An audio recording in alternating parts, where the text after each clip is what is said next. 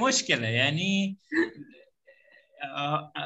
الامر الأمر المهم لنا أن يفهم الاخوان والأخوات أن يفهموا 100% هذا أمر مهم جدا نعم موافق أستاذ نعم سيدة فاطمة كيف سيدة فاطمة؟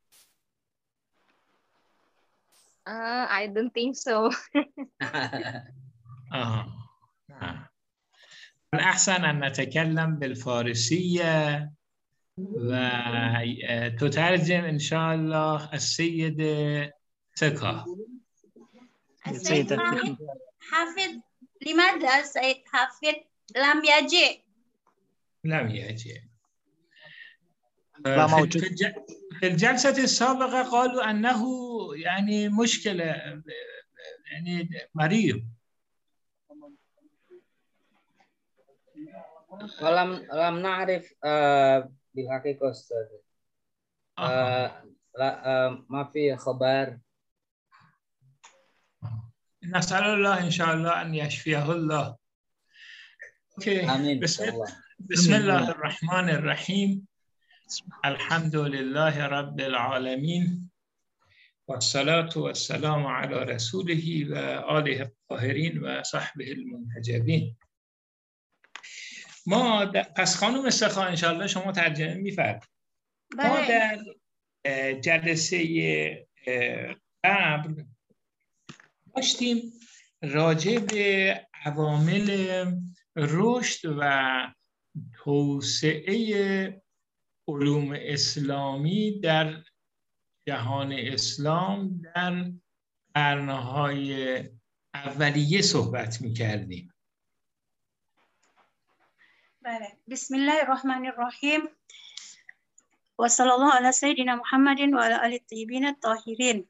Kita pada pertemuan yang lalu telah membahas masalah eh, sebab-sebab uh, uh, berkembangnya dan perluasannya ilmu dalam dunia Islam pada awal kurun pertama.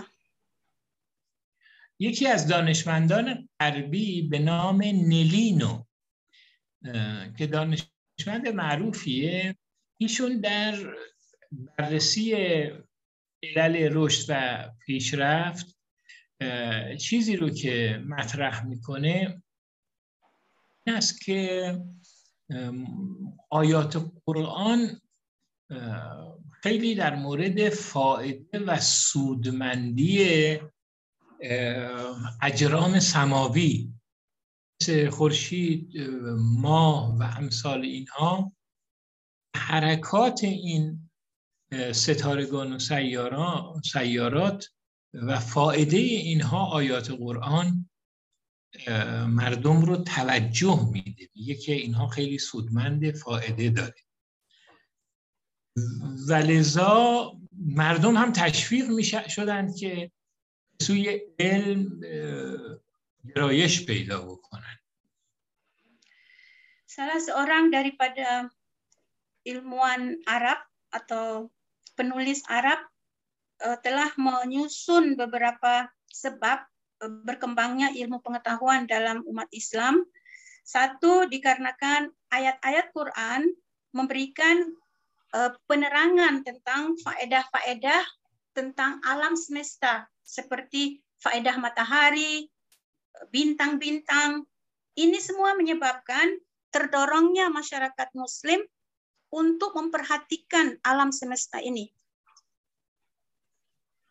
آه، به همین جهت در تفسیرهای قرآن کریم هم آه، در همون دورانهای اه، گذشته مثل تفسیر اه، فخرالدین رازی تفسیر کبیر و برخی تفاسیر دیگه ما می‌بینیم که در مورد حرکات افلاک و نجوم و ستارگان و اینها بحث های مفصلی صورت گرفته Demikian juga daripada eh, buku-buku tafsir juga telah ditulis seperti eh, buku tafsir Fakhruddin Razi eh, telah membahas tentang masalah gerakan-gerakan bintang-bintang ini memberikan uh, pendorongan terhadap umat Islam untuk mengkaji ilmu pengetahuan. حتی در دوره حمله مغول که بسیار برای جهان اسلام زیان و ضرر داشت ما می‌بینیم که در همون دوره هم کسانی مثل خاجه نصیر الدین توسی مغله رو که حاکم بر جهان اسلام شده بودند اینها رو برشون تأثیر گذاشت و سبب شد که محل محاسبه این اجسام فلکی و رصدخانه و اینها رو ایجاد بکنن. Demikian juga ketika dunia Islam diserang oleh Mogul yang menyebabkan begitu besar kerugian bagi umat Islam dan atau dunia Islam, di sana terbangkit seorang ilmuwan Islam yang bernama Haji Nasiruddin Tusi yang menarik bagi Mogul untuk memperhatikan uh, ilmu pengetahuan karena uh, akhirnya mereka uh, membuat uh, beberapa pusat pengkajian se seperti mendirikan pusat-pusat uh, riset. Ini juga menyebabkan terbangkitnya uh, perluasan ilmu pengetahuan di dunia Islam.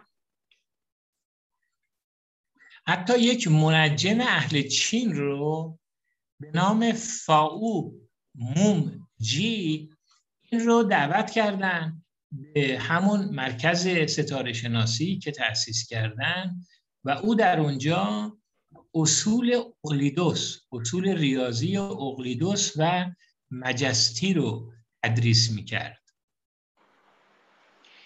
sehingga kan juga seorang ahli perbintangan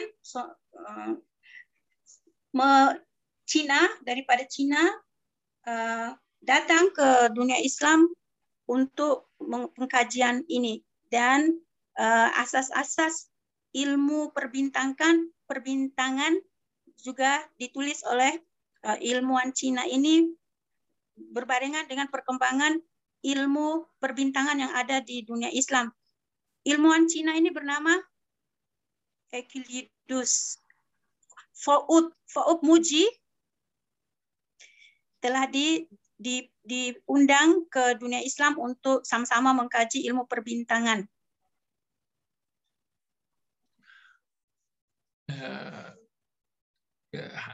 نکته بعدی که خیلی مهم بود قبلا هم اشاره کردیم این کمک های مالی که به دانشمندان می‌شد حالا چه به صورت جایزه و چه به صورت حقوق ماهانه اینا هم خیلی در رشد دانش اثر داشت. Sebagaimana juga telah kita sebutkan, salah satu poin juga yang menyebabkan tersebar luasnya ilmu pengetahuan dalam dunia Islam adalah bantuan-bantuan yang diberikan kepada para ilmuwan dalam bentuk uh, baik dalam bentuk penghargaan atau jaminan uh, kehidupan mereka. به عنوان مثال سلطان مسعود غزنوی وقتی که ابوریحان کتاب قانون مسعودی رو نوشت یک کتابی که توسط ابوریحان بیرونی ابوریحان بیرونی نوشته شده بود یک مبلغ بسیار زیادی رو یک کتاب علمی بود قانون مسعودی. اون وقت سلطان مسعود یک مبلغ بسیار زیادی رو عنوان جایزه برای ابو ریحان فرستاد البته خب ابو ریحان گفت من احتیاجی به پول ندارم و میخوام با قناعت زندگی کنم و پول رو قبول نکرد Seperti contoh Sultan Mas'ud telah memberikan penghargaan kepada Abu Rehan uh, dikarenakan penulisan buku beliau berkenaan dengan uh, perbintangan ilmu falak uh, dengan jaminan besar namun uh, walaupun Abu Rehan tidak menerimanya dengan alasan saya cukup saya cukup hidup dalam keadaan kanaah jadi tidak memerlukan uh, ini semua خواجه نصیر الدین توسی همون مرکز ستاره شناسی که در شهر مراقه ایران داشت به علما و کسانی که اونجا کار می‌کردند حقوق کافی و زیادی می‌داد تا اینها بتونن در زمینه علمی رشد داشته باشن Demikian juga uh, tim Haji Nasiruddin Tusi dalam uh, riset mereka telah diberi dana besar untuk membiayai kehidupan para ilmuwan ini. نکته دیگه همونطوری که دفعه قبلا اشاره کردیم ایجاد مدارس اسلامی بود. مدارس اسلامی که در شهرهای مختلف ایجاد شد از جمله اونها الازهر توسط فاطمیان در مصر بود. یا مدارس دیگه اینا خب خیلی برای رشد دانش مؤثر بود. Satu poin lain yang sudah juga kita sebutkan yaitu dengan memunculkan atau mendirikan pusat-pusat sekolah yaitu madaris Islam yang seperti Al-Azhar di Mesir yang didirikan oleh Fatimion, kerajaan Fatimion, ini juga menyebabkan perluasnya atau berkembangnya ilmu pengetahuan dalam dunia Islam. حتی مدارسی که در اندلس بود و بین اروپا و جهان اسلام واسطه شده بود. این مدارس دانشجویان اروپایی درس میخوندن. مثلا یکی از کسانی که بعدا پاپ شد پاپ مسیحیت شد به نام گیلبرت که در سال قریب سال هزار میلادی فوت کرد. این گیلبرت دانشها رو نزد علمای مسلمان در اندلس خونده بود. Sehingga di dunia Eropa juga pada masa penguasaan uh, Andalusia di tangan kaum muslimin juga di sana telah didirikan uh, sekolah yang di mana uh, seorang paus Kristen juga telah terlibat dalam menggali ilmu pengetahuan daripada umat dari ulama Islam yang bernama Gilur yang yang telah wafat pada tahun 1000 Masehi.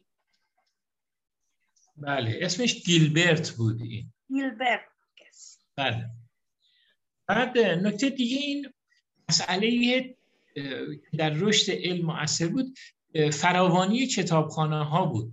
خب خیلی مردم بودن که از پولی که داشتند کتابخونه هایی رو ایجاد می‌کردن و وقف استفاده دانشمندان میکردن Satu lagi yang menyebabkan tersebarnya ilmu dalam dunia Islam yaitu dibangunnya uh, apa namanya perpustakaan-perpustakaan atau library yang dimana kaum muslimin sendiri rakyat kaum muslimin umat Islam sendiri uh, sanggup memberikan infak uh, harta-harta mereka duit-duit mereka untuk terbangunnya uh, apa namanya pusat pembelajaran atau uh, library di suatu tempat kehidupan mereka sehingga uh, terpancing masyarakat untuk membaca ilmu.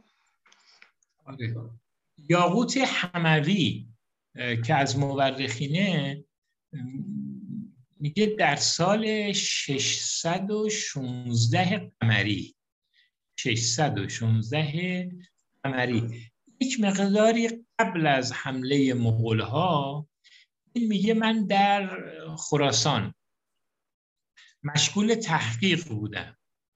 و میگه در اینجا ده کتابخونه موقوفه داشت. ده کتابخونه. یکی از این کتابخونه ها متعلق به خاج نظام الملک بود که در دنیا بی نظیر بود.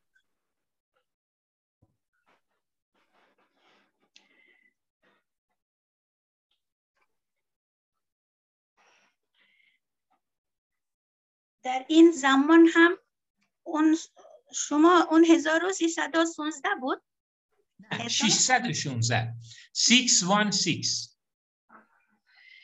pada tahun 616 قمری دیگه قمری boleh Eh, pada tahun 616 Hijri Kamari eh, pada masa Mogul menyerang eh, dunia Islam juga di sana ada ulama eh, yaitu se- raja seorang raja memiliki eh, lebri yaitu Nizam Nizamul Mulk ini juga menjadi pusat pembelajaran pengkajian ilmu pengetahuan pada zaman itu آم، یعقوبی مورخ معروف یه در دوران من سال 278 278 قمری بیشتر از 100 کتاب فروشی در بغداد بود. هم کتاب میفروختن هم کتاب ها رو نسخه برداری می‌کردن. Yaqubi salah seorang daripada ilmuwan tarikh uh, pada tahun 278 Hijriah dia memiliki uh, toko buku di mana dia me- menjual buku-buku dan juga dia uh, menulis pada masa itu. یه نکته قابل توجه دیگه ای که سبب رشد علم بود در اون دوران این بود که علمای مسلمان همه مناطقی که عنوان جهان اسلام شناخته می‌شد رو همه رو یک وطن می‌دونستن. یعنی گویی که همه جهان اسلام وطنشونه. یک نقطه ای فقط اختصاص داشته باشن اینها نبود. و لذا هر موقع احساس می‌کردن مثلا فلان نقطه دور جهان اسلام امکان تحصیل و تحقیق وجود داره حرکت می‌کردن می‌رفتن اونجا. و هیچ احساس ناراحتی و اینکه اینجا کشور من نیست و اینها نداشتن. Satu poin lain lagi yang menyebabkan eh, tersebar luasnya ilmu pengetahuan dalam dunia Islam yaitu eh, pandangan ulama-ulama Islam mengenai eh, eh, geografi yang ditempati oleh umat Islam itu dianggap sebagai satu negara yang besar. Sehingga eh, mereka menganggap seketika mereka mengetahui ada suatu tempat yang belum diterobosi oleh apa-apa ilmu atau tidak ada kemajuan ilmu pengetahuan, tidak ada madrasah, tidak ada library di sana, maka mereka akan pergi ke sana dan tidak tidak merasa sama sekali mereka merasa jauh dari tempat tinggal mereka sebab mereka merasakan itu adalah watan kaum muslimin. آه. یک دانشمند معروفی هست به نام آدام متز این دانشمند میگه که مسلمون ها من اسمش الان براتون چیز می‌کنم. اسمش رو براتون ارسال می‌کنم. این شخصیت در تاریخ علم آدم مهمیه. اسلام.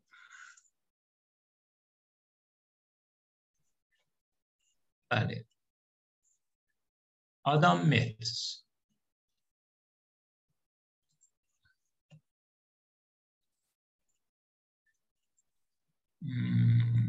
الان چت کنم این رو.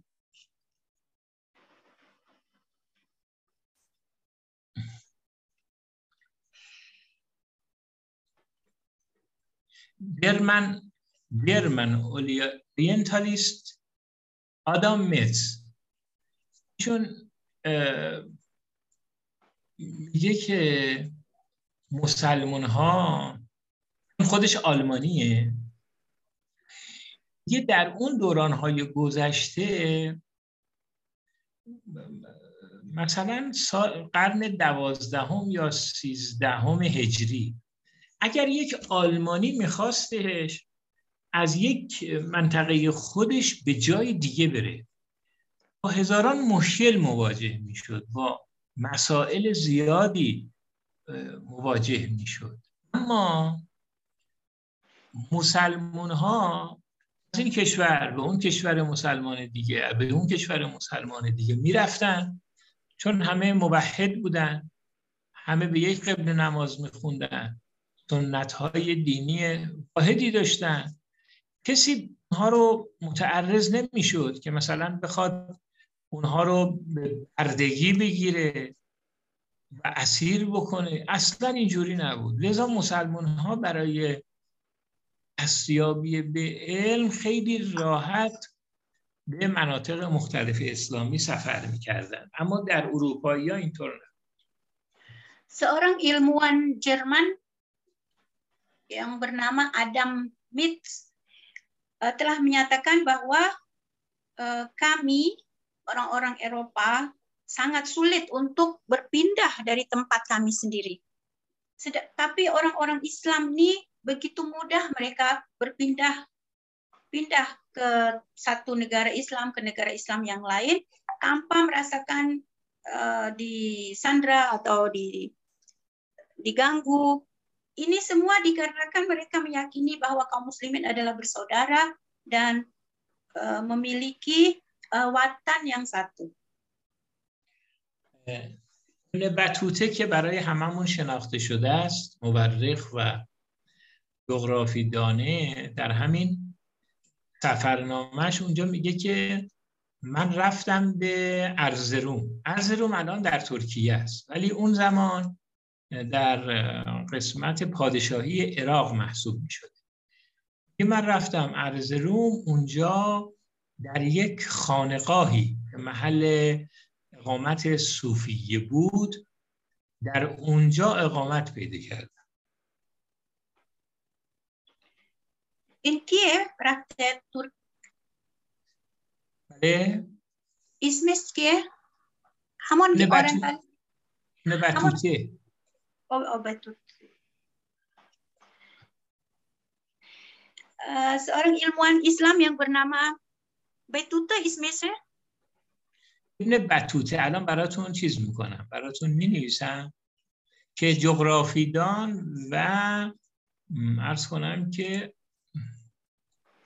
و مورخ معروف بله ابن بطوته ini Batute. Ini dia seorang ahli نوشتم tarikh.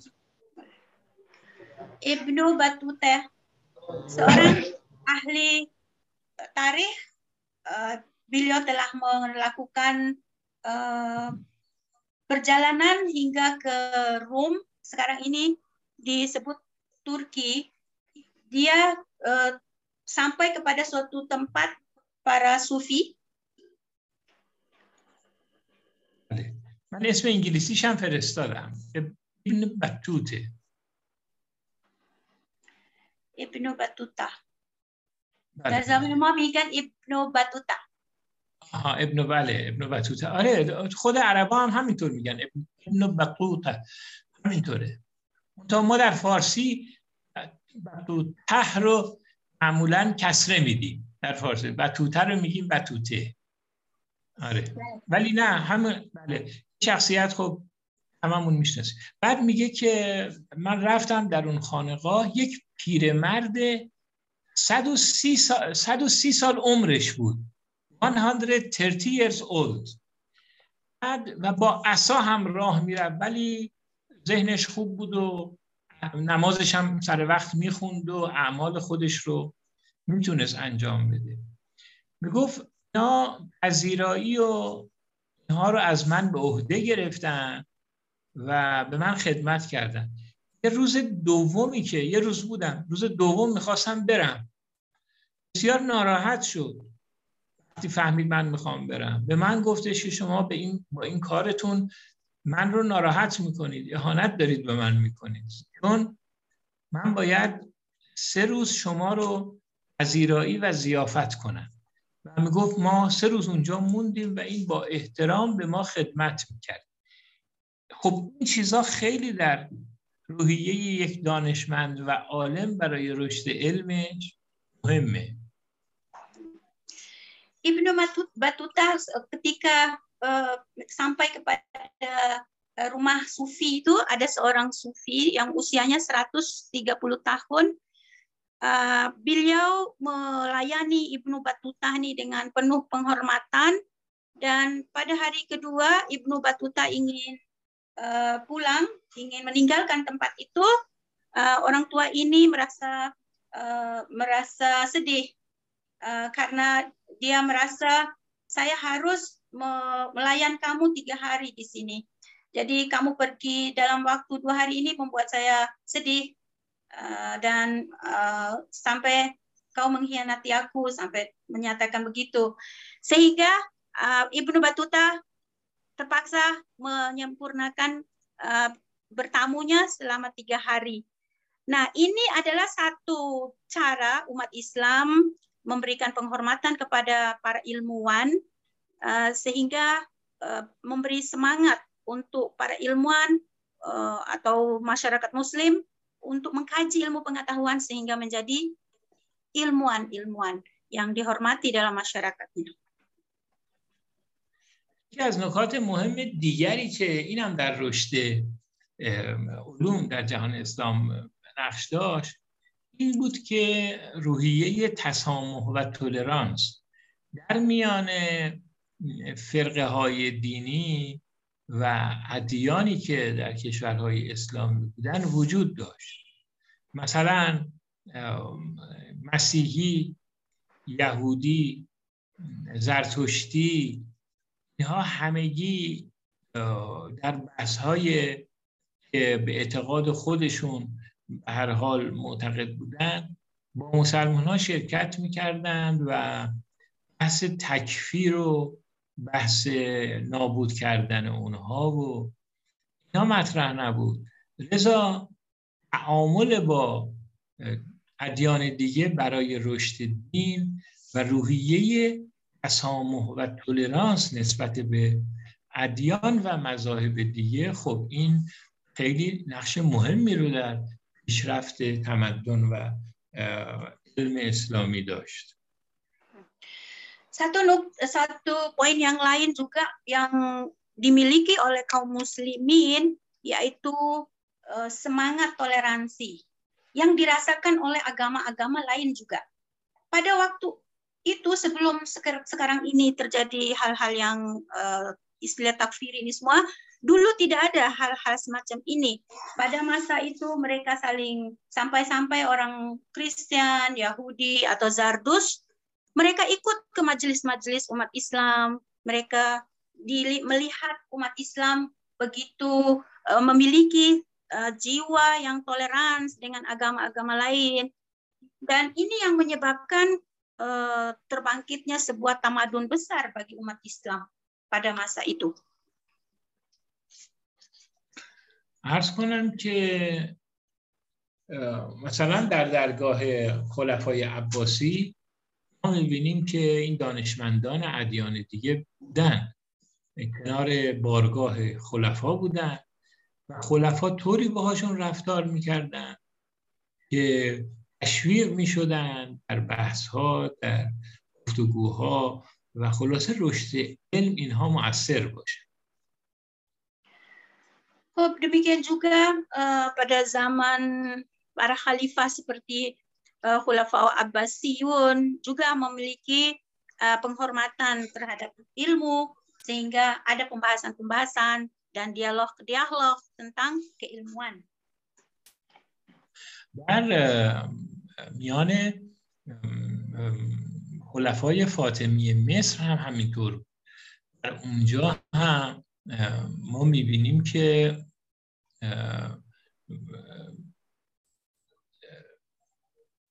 بله در اونجا هم از ادیان دیگه در نزد خلفای فاطمی حضور داشتن و مثلا پزشکان غالبا یهودی بودن یا مسیحی بودن یا سامری بودن اینا می آمدن و مناسب و پست های اداری مهمی رو می گرفتن و حقوق های خیلی خوبی دریافت می کردن. Demikian juga di zaman Khulafaul Fatimiyun di Mesir, eh, pada masa itu bidang kedokteran sangat maju sehingga ilmuwan-ilmuwan Kristen, masih eh, Yahudi, eh, suami juga ikut terlibat. Dokter-dokter ini terlibat dalam eh, eh, berkhidmat di hospital-hospital kaum muslimin ini dengan mendapatkan gaji yang cukup besar yang diberikan oleh Khilafah Fatimiyun.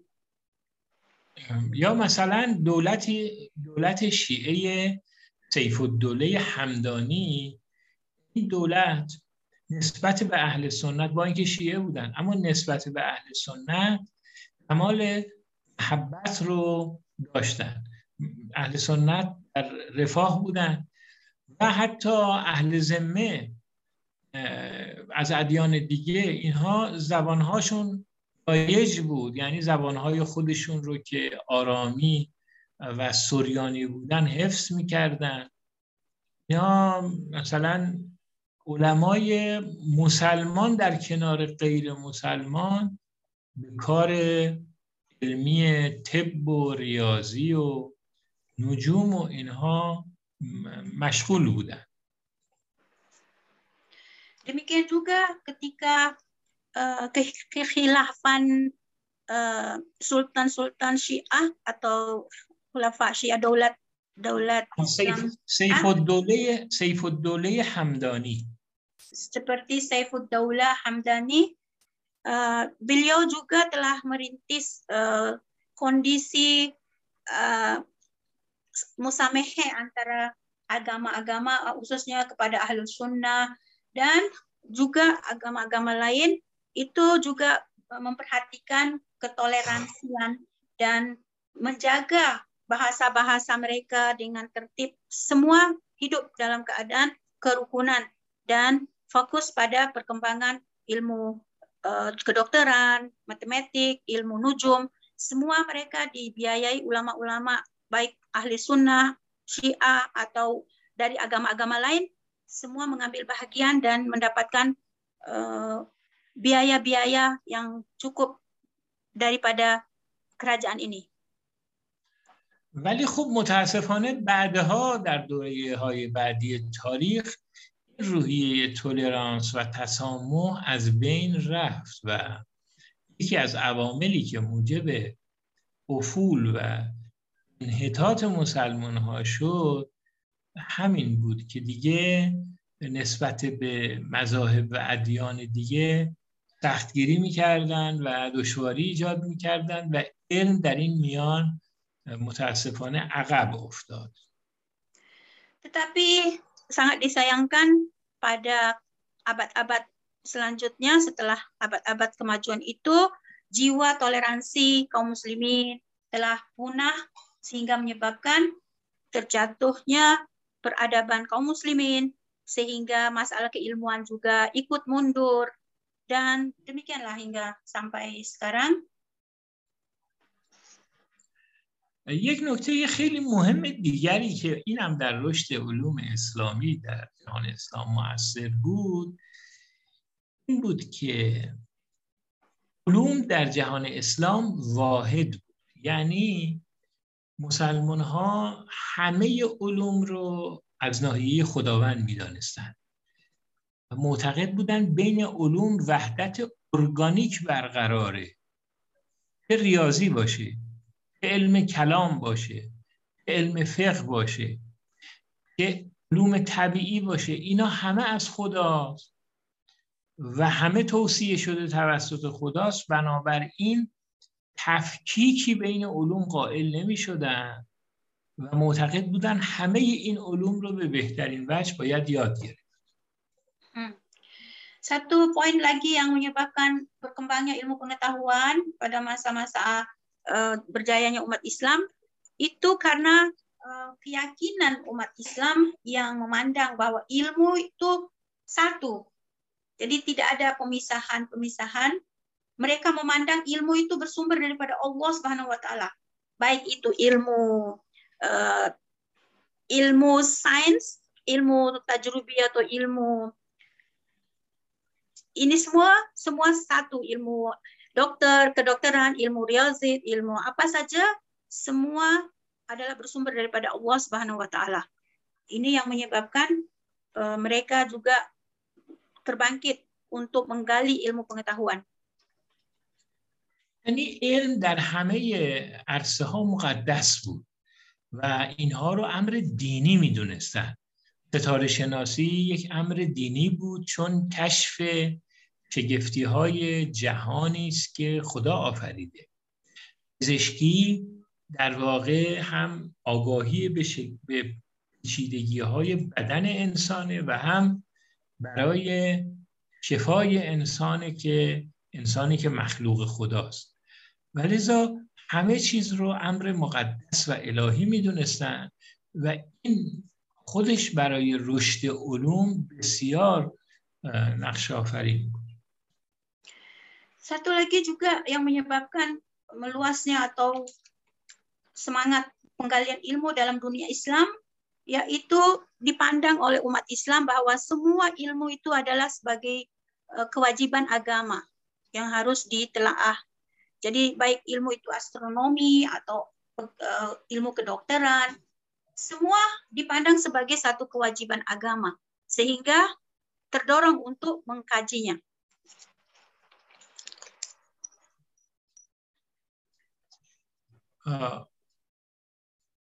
نکته دیگری که وجود داره در مورد پیشرفت علوم تلاش و سخت کوشی مسلمانانه در دست آوردن علم و آگاهی های بیشتر. همین بطوته سفری رو که آغاز می‌کنه برای شناسایی جهان نزدیک نزدیک سی سال طول می‌کشه.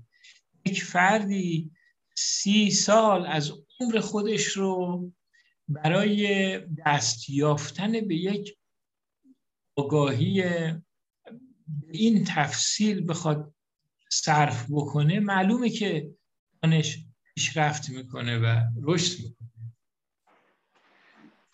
Satu poin juga yang menyebabkan uh, kuatnya penggalian ilmu pengetahuan dalam dunia Islam yaitu semangat yang besar yang ada pada kaum muslimin.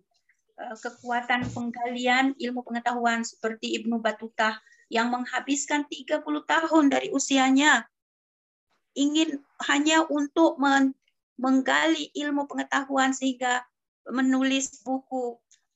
Ini semua menyebabkan uh, kemajuan ilmu pengetahuan dalam dunia Islam.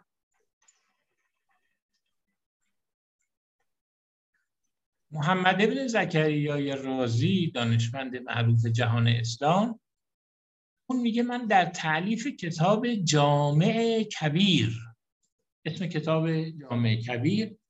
میگه من 15 سال شبانه روز کار کردم. حدی که چشمانم ضعیف شد و دست ها هم دیگه قابل نوشتن نبود. و میگه با این حال من دست از علم بر نمیدارم. اگر بخوام مطلبی رو بخونم به کسی دیگه میگم برام بخونه چون چشمام ضعیف شده. و من در واقع یک کسی هم یادداشت برای من بنویسه. تا آخر عمر این از دانش دست بر نداشت. Seorang ilmuwan dalam Islam juga bernama Muhammad Zakaria Razi yang dia telah menulis buku Jami Al-Kabir itu telah menghabiskan 15 tahun dalam usianya dengan sampai hingga matanya lemah, tangannya sudah tak sanggup menulis, namun semangatnya masih berkobar-kobar untuk mendapatkan ilmu walau dengan cara dibacakan oleh orang dan sampai akhir kehidupannya pun dalam kondisi sedang mencari menggali ilmu pengetahuan. اینها بود حالا علت هایی که برای رشد علم در جهان اسلام مطرح شده و شاید نکات دیگه هم وجود داشته باشه که حالا برای اینکه فرصت زیادی تو بحثامون نداریم طبعا باید خلاصه تر مطرح کنیم. Ini semua adalah kumpulan daripada sebab-sebab kaum muslimin memiliki ilmu pengetahuan yang luas pada waktunya dan kegemilangan dalam bidang keilmuan telah kita sebutkan. Uh, untuk mempersingkat waktu, mungkin kita akan uh, masuk pada pembahasan lain.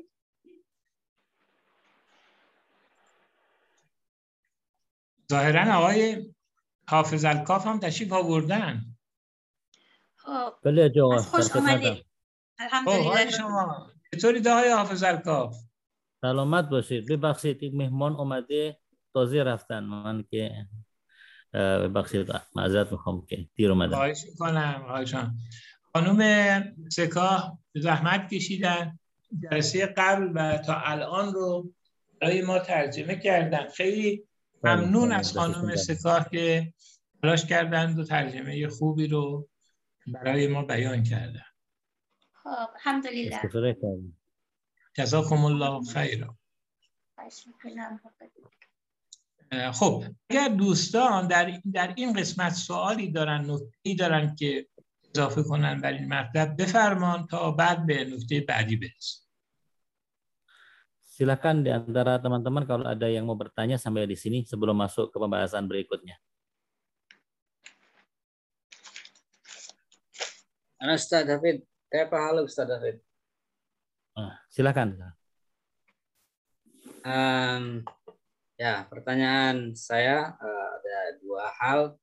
Pertama, uh, saya mendapat uh, kabar mungkin Ustaz David lebih paham bagaimana uh, dukungan Eh, pemerintah Iran dalam hal ini eh, terhadap eh, para ilmuwan ya sampai sekarang dukungannya seperti apa misalkan yang saya dengar sama seperti yang tadi disampaikan Dr. Miri dukungannya sangat kuat ya pembiayaan kehidupannya dan seterusnya riset-riset dan lain sebagainya yang pertama. Yang kedua terkait dengan tadi disebutkan tentang orientalis Gilbert ya.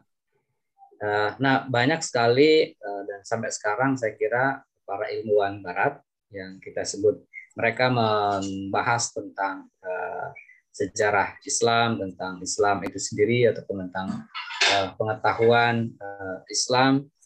Nah, bagaimana kita membaca ataupun memahami ya objektivitas dari kajian-kajian yang disampaikan oleh para orientalis. Ustaz, kurang. دو تا سوال آقای عبید مطرح کرده یکی درباره حمایت جمهوری اسلامی ایران به عنوان یک حکومت اسلامی به دانشمندان مسلمان آیا دولت اسلامی در ایران آیا به دانشمندان در رشته های مختلف حمایت می کند یا کم و بیش مثلا حمایتش خیلی جدی نبوده. این سوال اول. سوال دوم اینه که ما می‌دونیم بعضی از این خاورشناسان در تحقیقاتشان راجع به اسلام کتاب هایی نوشتن و خیلی هم بحث هایی درباره اسلام مطرح کردن. از تاریخ اسلام معارف اسلام و شناخت خود اسلام. حالا سوال من اینه که از کجا می‌دونیم که اینهایی که خبرشناس خبرشناسان هستن و مسلمان نیستن درباره اسلام تا چه اندازه صداقت برای خودشون خرج میدن؟ بله. و در مورد اون قسمت اول سوال اول ایشون که کردن راستش البته از جزئیات کامل با خبر نیستم اما اون مقداری که مثلا با خبر هستم هر ساله یه تعدادی دانشجوهایی در زمینه علوم مختلف مثل پزشکی یا غیر پزشکی و اینها جمهوری اسلامی از کشورهای مختلف دنیا به خصوص من یادم سالهای از مالزی، اندونزی اینها اینها رو جذب می‌کردن و برای تحصیل در دانشگاه های ایران اونجا فعال می‌کردن. و همینطور بعضی از دانشجوهای ایرانی هم که در کشورهای اسلامی بخوان اونجا تحصیل بکنن این هم اتفاق افتاده بود. نکته بعدی یک جریانی به نام جایزه المصطفى البته ربطی به جامعه المصطفى نداره این که میگم این بیشتر در علوم فنی و علوم پزشکی و امثال ایناست که یه چیزی هست به نام جایزت المصطفى این برنامه هر ساله داره انجام میشه چند سالی است به دانشمندان مهم جهان اسلام مثلا در فیزیک در تکنولوژی در پزشکی و امثال اینها هایی که نوآوری و اندیشه جدید دارن یه تشویق میشن دعوت میشن و جایزه های نسبتا خوبی در اختیار اونها قرار می‌گیره. قاعدتا موارد دیگه ای هم هستش که من خب در جریانش نیستم بله همچین کارهایی میشه در Untuk pertanyaan yang pertama mengenai dukungan Republik Islam Iran kepada para ilmuwan, eh, secara khusus saya tidak mengenal detail dan tidak mengetahui secara detail kebijakan pemerintahan Republik Islam Iran dalam hal ini. Tetapi secara lahiriahnya kalau kita melihat ada dukungan besar kepada perkembangan ilmu pengetahuan eh, dan dukungan besar dari pemerintah Iran.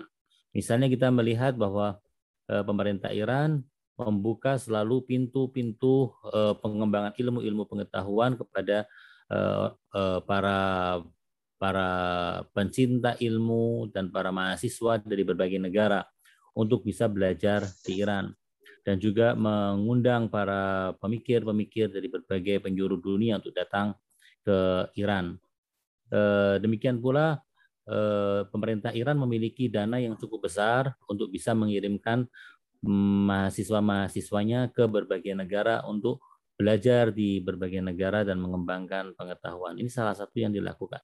Selain itu, eh, di Iran itu ada yang namanya Jaizatul Mustafa atau Medali Al-Mustafa.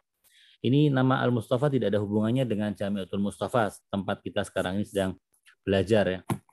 Ada namanya medali Al-Mustafa dan ini diberikan setiap tahun kepada para ilmuwan yang mengembangkan berbagai macam e, bidang keilmuan yang meliputi teknik, kedokteran, teknologi, dan yang lain sebagainya. Yang umumnya adalah e, bidang sains. Bagi mereka yang memiliki prestasi diberikan e, medali Al-Mustafa ini. Uh, ini kurang lebih yang saya tahu secara lahiriah dari dukungan Republik Islam Iran kepada pengembangan ilmu pengetahuan. Tentang masalah detailnya, saya kurang banyak mengetahui detail kebijakan pemerintahan Iran dalam hal ini.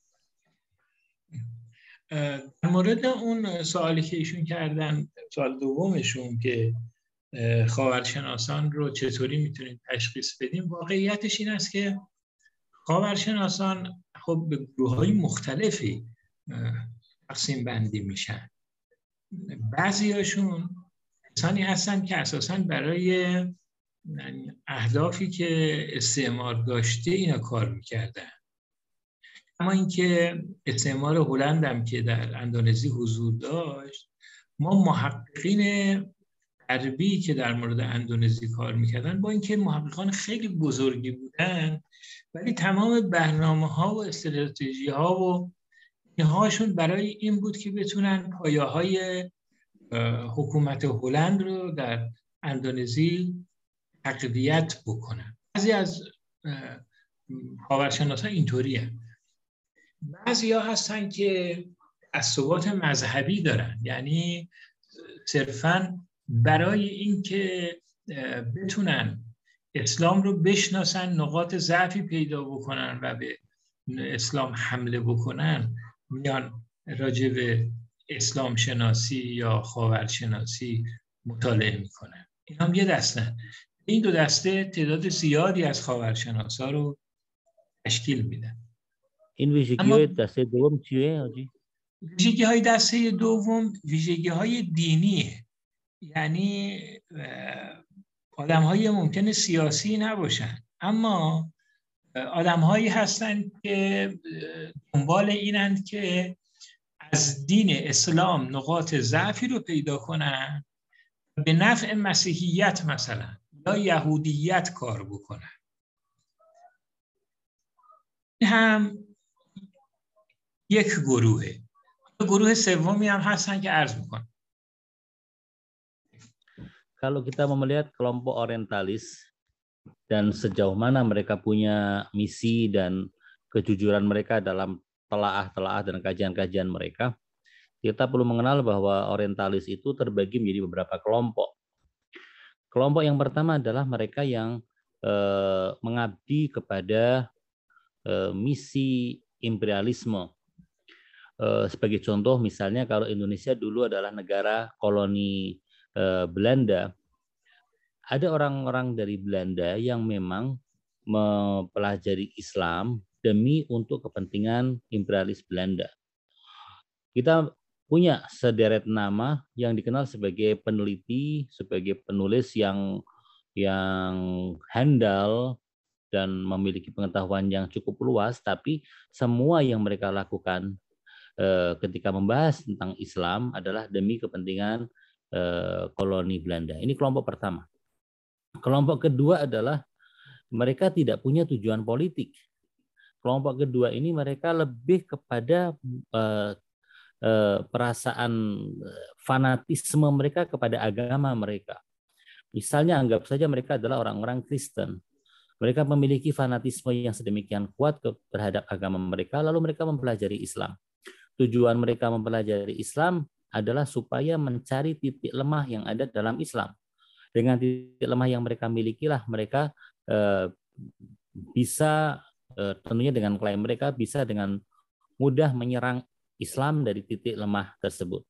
Jadi mis eh, dorongan yang kedua atau apa ya dorongannya motivasi kedua motivasi dari kelompok kedua ini adalah masalah fanatisme agama mereka terhadap Islam untuk bisa mencari kelemahan Islam. Dua kelompok yang barusan disebut ini adalah kelompok terbesar prosentase mereka adalah prosentase yang sangat besar dari kalangan orientalis. Masih ada kelompok-kelompok yang lain. به عنوان مثال ما اون اورینتالیسم یا اسلام شناسی که در دوره جنگ های صلیبی میبینیم اون اورینتالیسم معمولا از نوع دومه. یعنی کلیسای روم قر... روم همون کلیسای کاتولیک باشه و در رأسش پاپه اینها میان قرآن رو ترجمه می‌کنن. کتاب های دینی ما رو ترجمه می‌کنن. برای اینکه بتونن بهتر و بیشتر اسلام رو بشناسن و بعد از شناسایی علیه اسلام اتهاماتی رو وارد بکنن.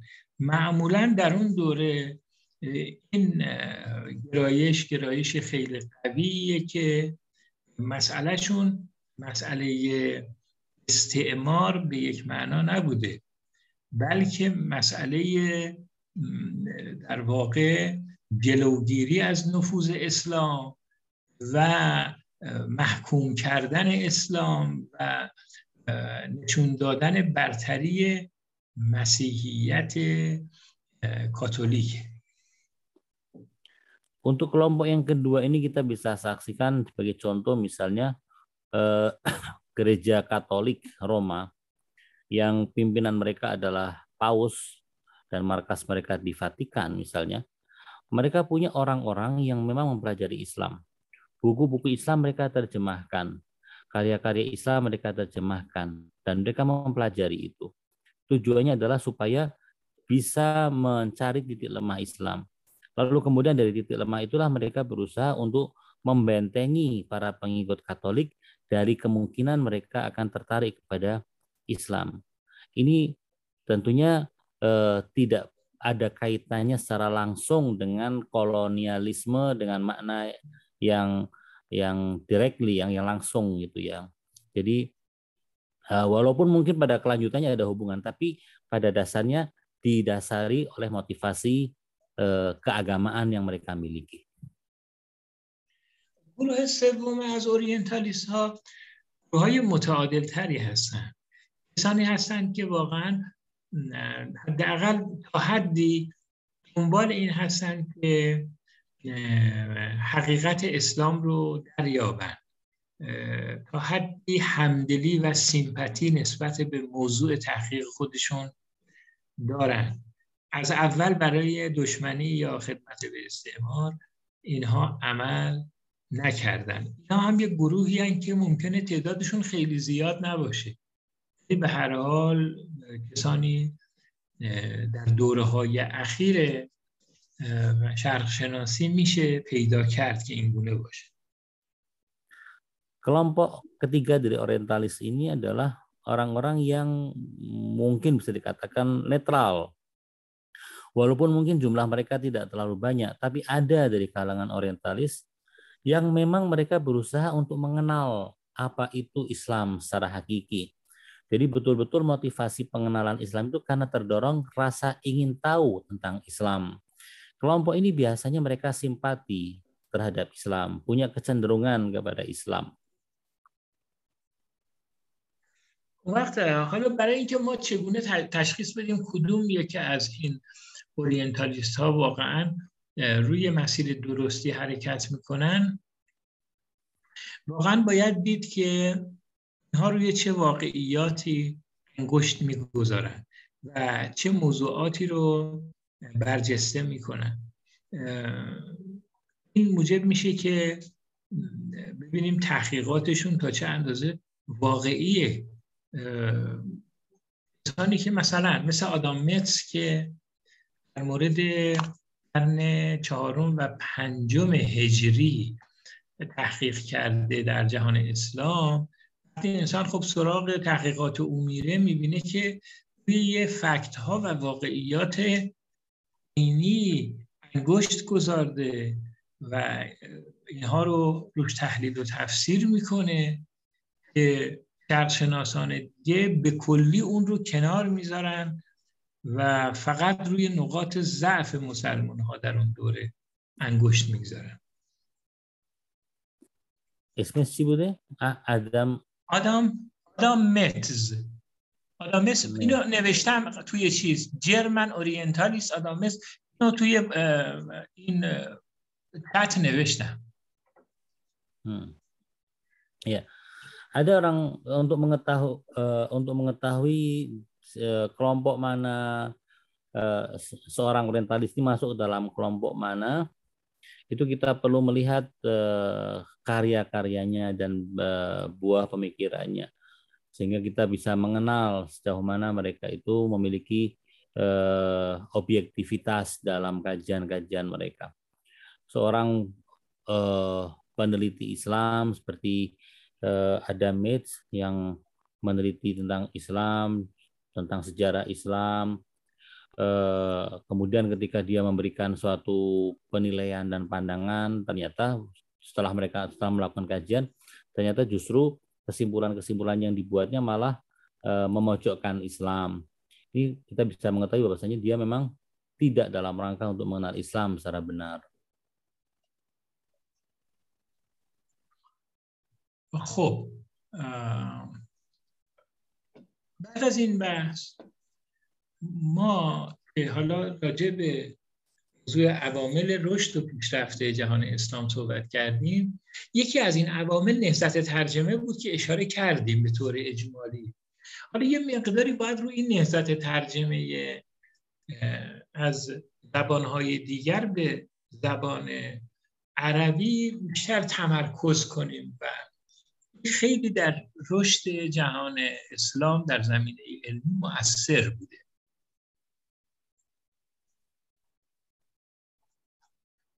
Kita sudah membicarakan mengenai faktor-faktor yang eh, yang membuahkan perkembangan keilmuan di dunia Islam. Yang salah satunya yang sudah kita singgung adalah ke gerakan penerjemahan yang pernah hadir di dalam sejarah Islam.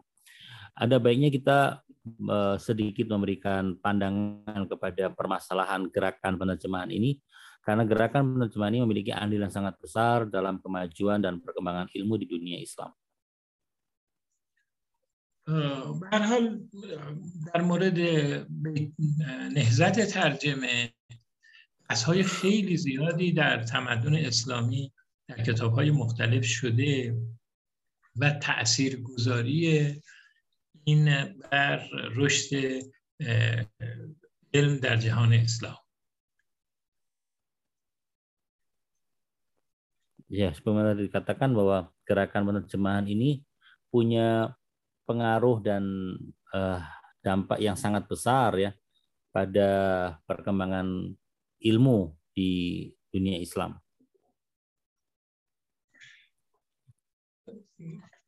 ما اگر بخوایم که به طور اجمالی به این مسئله بپردازیم باید بگیم که بعد از این که خب مسلمان ها تونستن به کشورهای دیگه کشور گشایی کنند و به زودی بسیاری از کشورها رو زمینه کشور اسلامی کنند یک وضعیت فرهنگی جدیدی پیش آمد.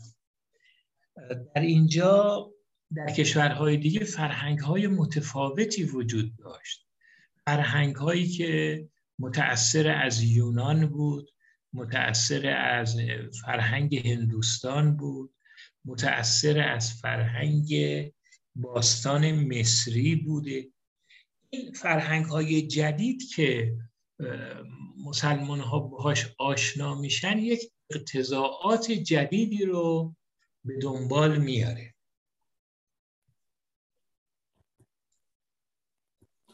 setelah terjadinya eh, penaklukan atau pembukaan negeri-negeri yang lain yang tunduk kepada pemerintahan Islam sehingga wilayah dunia Islam semakin luas. Di sini kaum muslimin berhadapan dengan berbagai bangsa yang memiliki latar belakang kebudayaan dan peradaban yang berbeda-beda.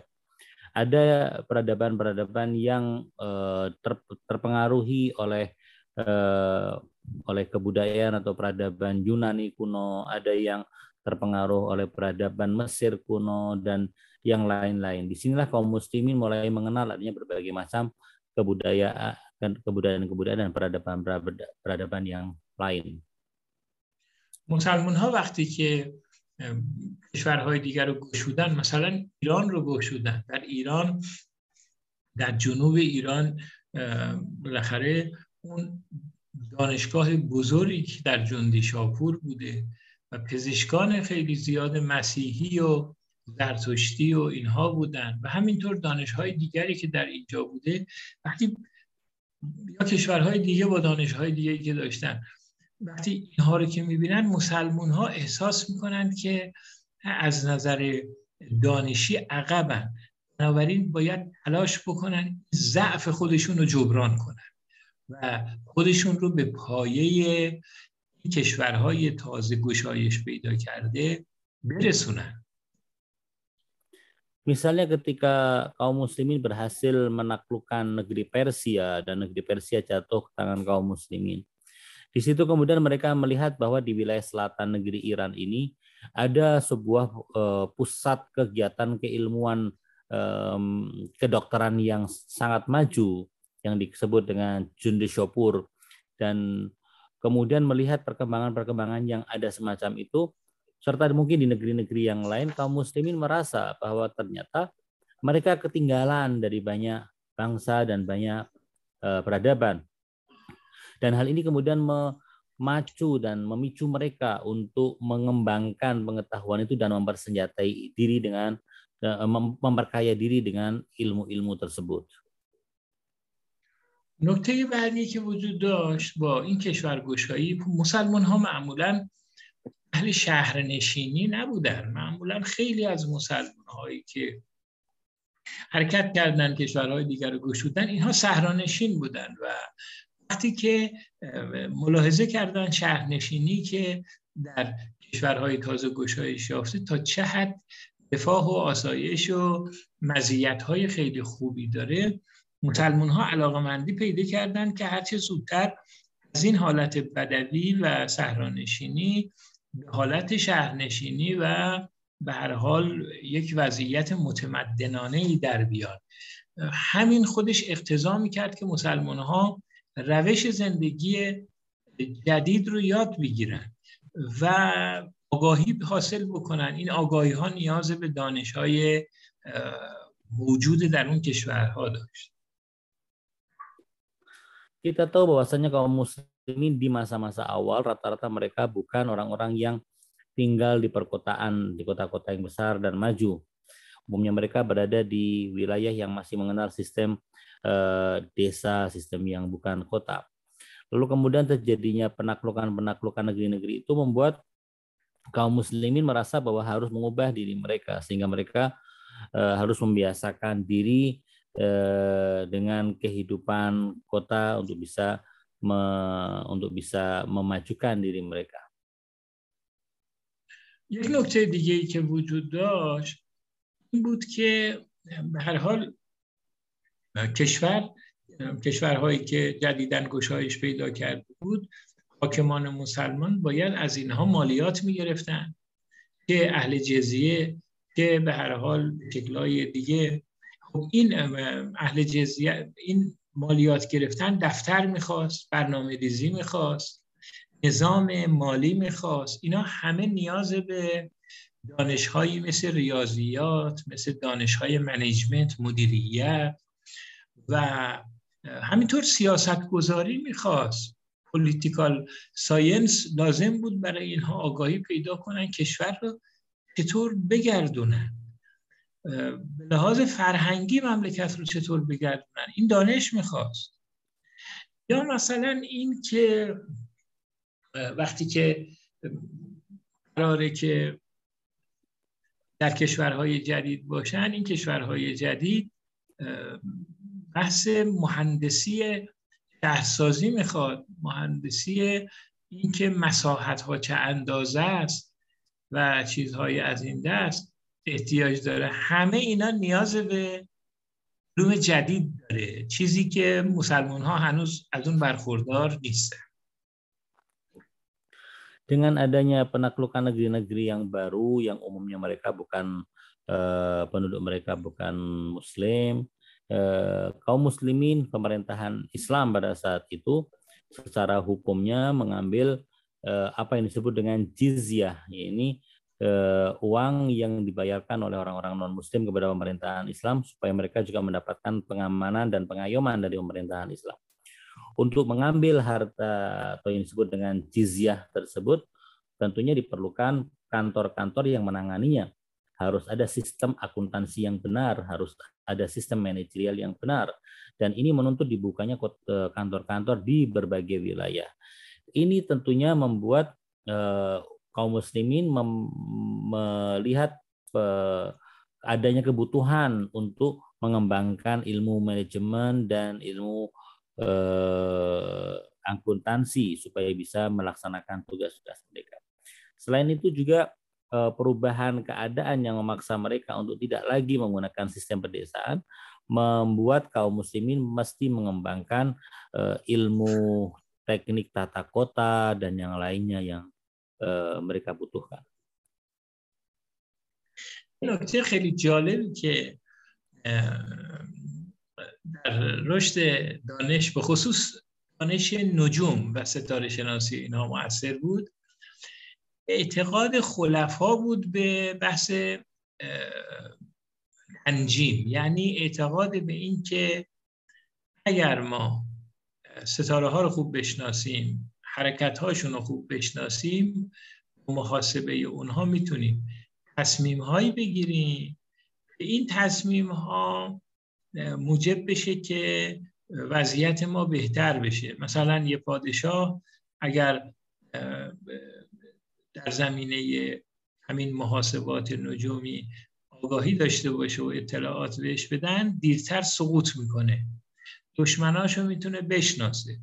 می‌تونه اونها رو سرکوب کنه و می‌تواند رضایت مردم رو به دست بیاره. همین کارهایی که بعضی ها از طریق سحر و جادو و اینها انجام میدن خلفا هم به یه همچین چیزی از طریق ستارگان معتقد بودن. البته این فقط اختصاص به خلفای عرب نداشت تو همه جای دنیا این مسئله تنجیم و اینجور حرکت کواکب و اینها wujud dashte. Ada satu hal penting di sini yang layak juga untuk disinggung bahwa ada yang disebut dengan ilmu nujum. Ilmu nujum juga berkembang pesat di zamannya. Eh, banyak di antara kaum muslimin yang meyakini jika kita mengenal ilmu nujum maka kita akan bisa melihat eh, bisa meneropong nasib dan apa yang akan terjadi di kemudian hari berkat dengan ilmu nujum itu kita bisa melihat pergerakan bintang sehingga bisa mengambil kesimpulan apa yang bakal terjadi. Dengan mengetahui apa yang bakal terjadi, kebijakan-kebijakan dan langkah-langkah yang akan kita ambil bisa lebih e, bermanfaat dengan risiko yang lebih kecil.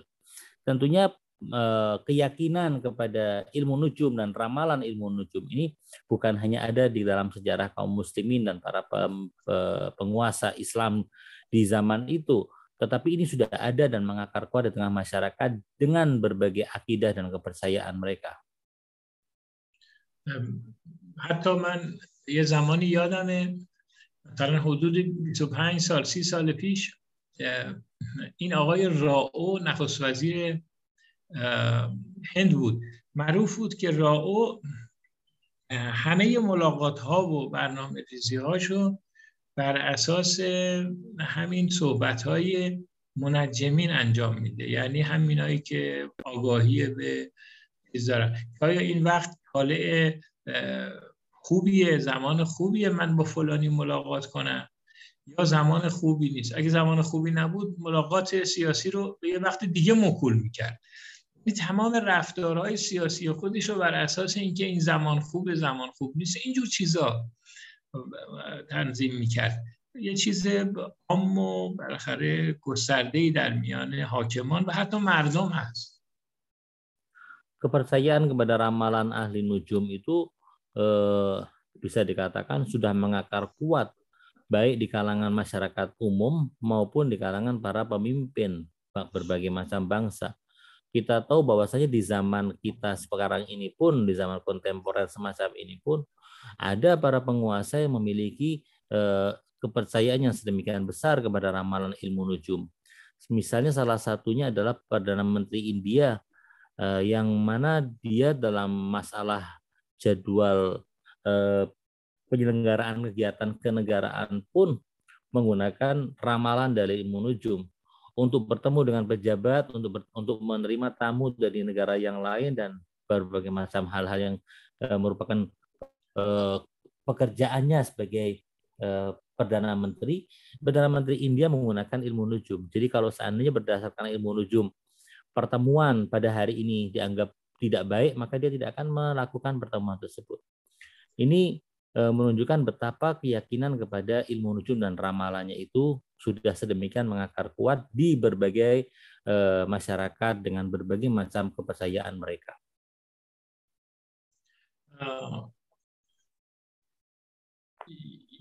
وقت این خلفا منجمین و اینا رو دعوت می‌کردن به, به دربار خودشون تا بتونن از این گونه استفاده ها رو هم بکنن. بالاخره یه همچین دیدگاه خرافاتی موجب می‌شد که علم نجوم بالاخره توسعه پیدا کنه. Sejarah menyebutkan bahwa para khalifah di dalam sejarah Islam sering mengundang para ahli nujum ke istana mereka untuk bertanya mengenai ramalan-ramalan dan teropong-teropong nasib.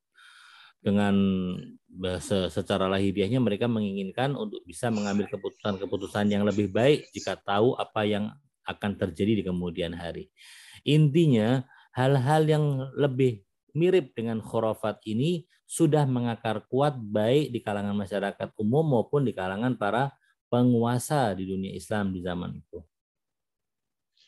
یک عاملی هم که در رشد آغازین علم در جهان اسلام معاصر بود. انتقال مرکز خلافت از شام بود به بغداد. این انتقال مرکز خلافت به بغداد چون دیگه بغداد اون وقت نزدیک به مرزهای ایران بود و نزدیک به همون مرکز جندی شاپور و و علمایی که در اونجا جمع شده بودن بود خودش یه تاثیرات خیلی مهمی رو در رشد علوم داشت di antara faktor-faktor yang mendukung kemajuan ilmu pengetahuan di dunia Islam adalah perpindahan ibu kota pemerintahan ke Baghdad. Kita tahu bahwasanya Baghdad adalah sebuah kota yang berdekatan dengan perbatasan berbagai negeri. Bahkan dia eh, tidak terlalu jauh eh, ke arah eh, pusat-pusat kegiatan keilmuan seperti Cunda Syukur sehingga membuat eh, pemindahan ibu kota ini mendorong perkembangan ilmu pengetahuan. ترجمان معمولا اینهایی که در ایران وجود داشتن اینها تیپ های مختلفی بودن و توانستند تعامل خیلی جدی با مسلمان ها پیدا کنند مثلا فرض بفرمایید حنین ابن اسحاق. حنین ابن اسحاق به عنوان شیخ المترجمین معروفه. چون یک پزشک خیلی برجسته بود که مسیحی مذهب بود از مسیحیان نستوری. از اونها بود که زبانهای زیادی رو می‌دونست. زبان یونانی، سوریانی، عربی، پهلوی. چون ایده رو جمع آورد. جمع کرد و کارهای ترجمه به زبان عربی رو از این زبانها به عهده گرفت و کارهای خیلی مهمی در این گروه به عربی ترجمه شد تا دانش عربی اضافه بشه و آگاهی های عرب ها بیشتر بشه para penerjemah biasanya didatangkan para penerjemah-penerjemah handal biasanya didatangkan dari negeri Persia dan salah satu yang paling terkenal adalah Hunain bin Ishaq yang juga disebut sebagai uh, Syekhul Mutarjimin, yakni guru besar para penerjemah. Dia adalah seorang bukan muslim, dia adalah seorang Masihi Nasturi yang menguasai berbagai macam bahasa seperti bahasa Arab, bahasa Suryani, bahasa uh, Pahlavi sehingga dia uh, memiliki kemampuan yang sangat hebat dalam penerjemahan. Dan mereka dan uh, dia memiliki hubungan yang cukup baik dengan masyarakat muslim. مثلا در دوره هارون الرشید که خب خیلی از ایرانی ها رو در درگاه خودش و بارگاه خودش ایشون وارد کرد. در این دوره آثار یونانی مهمی مثل کتاب اصول هندسه اقلیدوس و همینطور کتاب مجستیک بطلمیوس نوشته بود. و همینطور آثاری که در زمینه پزشکی بود از زبان هندی در دوره هارون الرشید به زبان عربی ترجمه شد و انتقال پیدا کرد. pada masa pemerintahan Harun al-Rashid, dia banyak mendatangkan para penerjemah ke istananya yang salah satunya adalah uh, Hunan bin Ishaq ini. Ada buku-buku yang diterjemahkan oleh dia yang misalnya seperti pokok pokok-pokok uh, teknik pembangunan ya, uh, Euclidus, kemudian juga buku-buku karyangan Petlamius, buku kedokteran, dan hal-hal yang lain yang berasal dari Yunani diterjemahkan ke dalam bahasa Arab. یه نکته خیلی مهمی که بود مسئله مهاجرت اهل ذمه به بغداد بود. پایتخت جهان اسلام بود. اهل ذمه ای که اهل علم بودن خیلی علاقه پیدا کردن که بیان در بغداد و از امکانهایی که در نزد خلیفه و در شهر بغداد هست برخوردار بشن. این خیلی کمک کرد رشد علم. Ada satu poin yang sangat penting yang layak untuk disoroti juga, yakni bahwa banyak orang-orang non-muslim, ahlu zimmah, yang eh, tertarik untuk hijrah ke kota Baghdad. Karena di mata mereka Baghdad adalah sebuah kota yang menjanjikan kehidupan yang lebih baik. Karena di situ eh, eh, pemerintahan berusaha untuk mengembangkan pengetahuan. Orang-orang ahli timah ini kebanyakan adalah orang-orang yang memiliki ilmu yang cukup luas, memiliki kemampuan-kemampuan eh, yang cukup baik, sehingga kedatangan mereka dan imigrasi atau perpindahan mereka ke Baghdad itu mengakibatkan kota Baghdad semakin eh, semakin berkembang dalam ilmu pengetahuannya.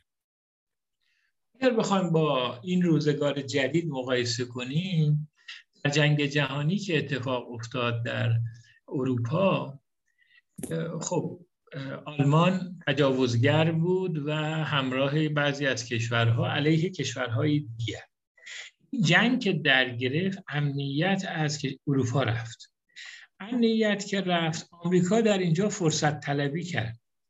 کاری که کرد این بود که تمام مغزها و فکرها و اندیشه ها صاحبان دانشی که در دنیا وجود داشت در اروپا وجود داشت تمام اینها رو به طرف خودش آمریکا جذب کرد. این فرار مغزها و فرار اندیشه ها سرمایه های بزرگی بود. مال اروپا همه به طرف آمریکا رفت. آمریکای قبل از این حادثه با آمریکای بعد از این حادثه قابل مقایسه نیست. از نظر پیشرفت. امروز دانش پیشرفته امریکا در زمینه های مختلف همه اکثرش مرهون همین مرزهایی که از کشورهای مختلف و به طور خاص در اون دوره از اروپا به آمریکا مهاجرت کردن. این مهاجرت مرزها از اون امور تاثیرگذاره perpindahan para ilmuwan itu adalah satu hal yang memberikan dampak yang cukup signifikan. Kita punya contoh di abad-abad terakhir ini seperti peperangan Perang Dunia Pertama. Perang Dunia Pertama yang terjadi di Eropa dengan adanya pihak Jerman yang melakukan agresi ke berbagai wilayah di Eropa sehingga terjadi perang besar di sana mengakibatkan keamanan bisa dikatakan tidak ada di wilayah Eropa. Daratan Eropa dipenuhi dengan perang dan darah. Sehingga eh, suasana mencekam timbul di situ. Amerika memanfaatkan kesempatan ini dengan membuka eh, pintunya bagi orang para ilmuwan untuk datang ke sana. Kemudian para ilmuwan pun datang ke Amerika dan itulah yang dimanfaatkan oleh Amerika sehingga kedatangan para ilmuwan itu membuat kehidupan sains dan eh, pengetahuan di Amerika menjadi berkembang. Bisa dikatakan bahwa Amerika setelah Perang Dunia dengan Amerika sebelum Perang Dunia tidak bisa dibandingkan sama sekali. Kemajuan yang telah dicapai oleh Amerika adalah berkat larinya otak-otak dan ilmu dan para ilmuwan dari Eropa ke Amerika. Cobain رشد علمی که برای مسلمان ها اتفاق افتاد و به طور خاص این نهضت ترجمه ای که اتفاق افتاد خیلی از استعدادهایی که معطل مونده بودن و اجازه رشد پیدا نمی‌کردن اینها فعال شدن و استعدادهای علمی خلاقی ما در میان مسلمان ها می‌بینیم که پیدا شد. Dengan adanya unsur-unsur tadi, terutama unsur eh, gerakan penerjemahan yang sedemikian pesat di dunia Islam, ini menyebabkan potensi-potensi yang selama itu, selama itu terpendam dan belum menemukan aktualisasinya menjadi teraktualkan. Muncul pengembangan-pengembangan terhadap ilmu-ilmu pengetahuan di tengah dunia Islam sehingga melahirkan sebuah lompatan besar dalam dunia uh, ilmu pengetahuan di uh, tengah umat Islam. مسلمان ها دیگه می‌تونستن انواع اسیدها رو خودشون بسازن چون فرموله هاشو به دست آورده بودن. در علم داروسازی پیشرفت های خیلی خوبی برای مسلمان ها بعد از این دوره اتفاق میفته همینطور پزشکی از طریق گیاه و داروهای گیاهی پیشرفت خیلی خوبی کرد. در زمینه سلاح اسلحه و چیزهایی که ارتش بهش نیاز داره. مسلمون ها پیشرفت های خیلی خوبی کردن. و همینطور آگاهی نسبت به ترکیبات شیمیایی. این خب علم خیلی مؤثره. اینها رو مسلمان ها درش پیشرفت کردن. زمینه ساختن مرکز ستاره شناسی مسلمان ها این زمینه ها خیلی رشد کردن و خیلی چیزهای دیگه اینا میبینیم که بعد از این دوره رشد پیدا کرد kemajuan dicapai oleh kaum muslimin, mereka bisa mengembangkan dan mengembangkan berbagai macam asid, asam ya, zat asam karena mereka memiliki formula dengan pengembangan ilmu yang dengan dengan apa yang mereka pelajari. Kemudian juga formula-formula yang berhubungan dengan pengobatan, farmasi, mereka bisa kembangkan. Muncul sebuah gerakan dan lompatan besar di dunia farmasi. Kemudian juga eh, Eh, ramu-ramuan dan obat-obatan herbal, obat-obatan tradisional juga dikembangkan sedemikian rupa. Kemudian juga di mas, eh, di sektor persenjataan dan teknik pembuatan senjata, kaum muslimin juga berhasil mencapai ke kemajuan yang sangat besar. Eh, kemudian juga dalam masalah uh, ilmu kimia dan formula-formula kimia, unsur-unsur kimia berhasil dikembangkan oleh kaum muslimin. Uh, ilmu perbintangan, misalnya pusat uh, teropong bintang yang dibangun oleh kaum muslimin yang sampai sekarang membuat para ahli uh, ilmu astronomi terkagum-kagum dengan kemajuan umat Islam di zaman itu. Ini semua berkembang pada masa tersebut. یک نکته دیگری که وجود داره بر اثر همین ارتباط با فرهنگ های دیگر اینها مسئله رشد عقل گراییه یعنی اینکه که بر عقل بشری برای دانش خودش خیلی رشد کرد و ما طور خاص می‌بینیم که در این دوره ها گرایش معتزله گرایش خیلی برجسته میشه و اینها که عقل گرا بودن میداندار میشن و حمایت میشن توسط حکومت. و این خب در مقابل ظاهرگرایی و سلفی گرایی که در میان مسلمان ها بعضا وجود داشت یک فرصتی بود تا بر عقل تکیه بشه Di masa keemasan seperti itu kita juga menyaksikan perkembangan rasionalitas di tengah kaum muslimin. Berkembangnya rasionalitas ini eh, ditandai dengan kemajuan pesat kelompok rasionalis seperti Mu'tazilah. Kelompok ini berkembang pesat di zaman tersebut mengalahkan kelompok-kelompok lain yang lebih kepada eh, tekstual, kelompok-kelompok yang seperti Mu'tazilah yang mengedepankan rasio betul-betul menemukan masa keemasannya di zaman itu. به دنبال رشد جریان فلسفی و پیدایش کسانی مثل فارابی، ابن سینا و کندی و بسیاری از فیلسوفانی که نتیجه این ارتباط با کشورهای دیگر فرهنگهای دیگر مثل یونان و اینها در اونها تجلی پیدا Seiring dengan itu juga filsafat mengalami kemajuan. Kita melihat adanya tokoh-tokoh filsafat dan memikir-mikir filsafat kenamaan seperti Ibnu Rushd, Farabi, dan uh, Ibnu Sina. Ini semua terjadi karena kaum muslimin berkenalan dengan budaya-budaya yang lain.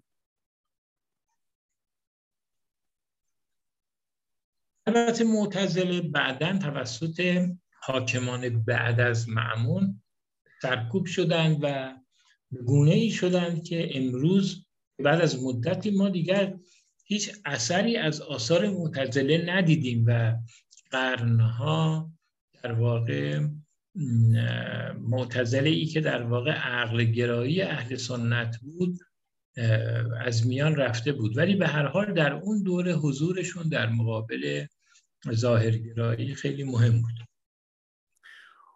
Walaupun kita juga melihat dalam sejarah akhirnya kelompok rasionalis Mu'tazilah eh, tidak lagi tersisa, hilang di telan masa dan menjadi korban penumpasan oleh eh, para penguasa di dunia Islam setelah zaman keemasan itu.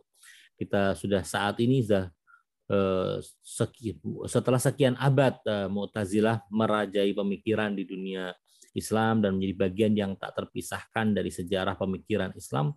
Namun sekarang ini kita sudah tidak lagi menyaksikan keberadaan kelompok ini. حال پشت علم در اون دوره ها به جایی رسید که در مساجد در کنار تفسیر و حدیث و علم نحو و اینها ستاره شناسی و حتی پزشکی و اینها آموزش داده می‌شد یعنی مسجد شده بود مرکز رشد دانش تجربی و عملی روزگار sedemikian eh, maraknya kegiatan keilmuan di tengah dunia Islam di zaman itu sampai-sampai masjid yang biasanya di masjid itu ada kegiatan-kegiatan eh, keilmuan agama seperti adanya majlis-majlis agama, majlis tafsir, majlis hadis, majlis eh, fikih, ada ilmu nahu yang diajarkan di masjid-masjid. Selain daripada itu di masjid-masjid juga ada kelas-kelas yang mengajarkan ilmu eh, seperti ilmu perbintangan dan juga ilmu kedokteran.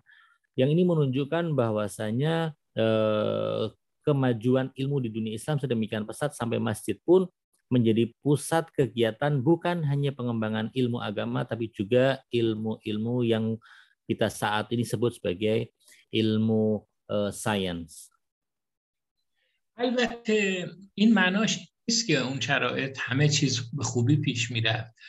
مشکلاتی وجود داشت. مثلا فرض کنید که همون زمانی که کار ترجمه صورت می‌گرفت این ترجمه صرفا در اختیار عده خاص بود و همون کسانی که گفتیم یعنی تیم ها خانواده ها افراد خاص. و مثل اینکه یک مافیای ترجمه تشکیل شده بود که اجازه نمی‌دادن که کار ترجمه توسط دیگران انجام بگیره. و خب این یک نکته ای بود که اجازه نمی‌داد این توانایی گسترش پیدا کنه. اما به هر حال مثل همه حوادث اجتماعی که وجود داره در کنار همه نقاط مثبت نقاط ضعفی هم بالاخره هست. Namun kita jangan lupa bahwasanya walaupun ke perkembangan-perkembangan itu ada, ada pula di di sela-selanya permasalahan-permasalahan dan kesulitan-kesulitan muskilah-muskilah yang ada. Eh, salah satu contohnya adalah dalam gerakan eh, penerjemahan ya. Kita saksikan bahwasanya gerakan penerjemahan itu tidak berjalan eh, dengan baik karena gerakan penerjemahan itu hanya dilakukan oleh orang-orang yang dipilih oleh oleh eh, khalifah pada saat itu dan itu terbatas pada satu kelompok tertentu. Kalau kita menggunakan istilah zaman ini mungkin lebih tepatnya disebut sebagai mafia penerjemahan. Ya ini tidak ada pihak lain yang diizinkan untuk melakukan eh, penerjemahan naskah-naskah dari Eh, bahasa lain ke dalam bahasa Arab. Ini salah satu problem dan saya kira problem yang semacam ini eh, layak ter, eh, sangat wajar terjadi karena sama seperti fenomena-fenomena sosial yang lain seiring dengan adanya kebaikan-kebaikan di sisinya ada hal-hal negatif-negatif yang juga terjadi. یکی از نکاتی که همونطور که گفتم مسئله رشد عقل گرایی بود و تکیه بر منطق و فلسفه و اینها که در جهان اسلام پدید آمد. در مقابل این جریان که عقل گرایی رشد کرده بود البته واکنش های خیلی شدیدی هم از میان برخی متفکرین اهل سنت مثل غزالی و دیگران صورت گرفت. Uh, jika kita tadi menyinggung adanya perkembangan yang pesat uh, dari kelompok rasionalis dan bahwa rasionalitas di dunia Islam sedemikian maju, kita jangan lupa pula adanya kelompok-kelompok yang menentang hal-hal semacam itu, menentang rasionalitas. Uh, seperti misalnya kita melihat adanya gerakan dari Ghazali yang mempersoalkan masalah filsafat dan rasionalitas yang dianggap sebagai hal yang tidak sejalan dengan ajaran agama. مثلا غزالی در کتاب تحافت الفلاسفه سعی می‌کنه تناقض هایی که در میان فلاسفه در میان فکرهاشون وجود داره بیان بکنه و همینطور دیدگاه هایی که به عقیده او دیدگاه هایی هست ضد اسلام اینها رو نشون بده Ghazali dalam kitab Tahafutul Falasifah mempersoalkan masalah filsafat dan mengkritik habis filsafat. Dalam pandangannya, sebagian apa eh, yang diajarkan dalam filsafat itu bertentangan dengan ajaran Islam. هر حال این شخصیت چون شخصیت خیلی بزرگی در جهان اهل سنت بود و در قرن پنجم زندگی می‌کرد خیلی تونست در جریان ضد فلسفه و ضد عقل گرایی جهان اسلام اثر داشته باشه و یکی از عواملی باشه که اون رشد و پیشرفت جهان اسلام رو جلوگیری بکنه. kita tidak bisa mengabaikan sosok Imam Ghazali yang di kalangan ahlu sunnah dikenal sebagai tokoh yang eh, sangat besar ya. Eh, apa yang dilakukan oleh Ghazali dengan penulisan kitab Tahfutul Falasifah bisa dianggap sebagai salah satu benteng yang me, yang menghalangi kemajuan rasionalitas dan pengembangan pengetahuan sebagaimana mestinya di dunia Islam. Ghazali در سه مسئله فلاسفه رو تکفیر می‌کنه و کافر می‌دونه. و راه هر گونه بحث و مذاکره ای رو با تکفیر کردن فیلسوفان میبنده. و خب این زمینه ها زمینه هایی است که نتیجهش عبارت از برخوردها و خشونت است که دنبال این تکفیرها علیه عقل گراها پدید میاد uh, adanya penentangan terhadap uh, rasionalitas ini tidak hanya terhenti di situ, bahkan sampai ada vonis kafir kepada orang-orang yang mengembangkan rasionalitas dan filsafat. Dan uh, ini pula lah yang bisa menjadi penyebab munculnya vonis-vonis uh, hukuman mati terhadap orang-orang yang mengembangkan rasionalitas setelah zaman itu karena kita melihat bahwa apa yang dilakukan oleh Imam Ghazali di abad yang kelima sebagai seorang tokoh uh, Islam yang besar punya pengaruh yang sedemikian uh, luas dan dalam di tengah masyarakat muslim.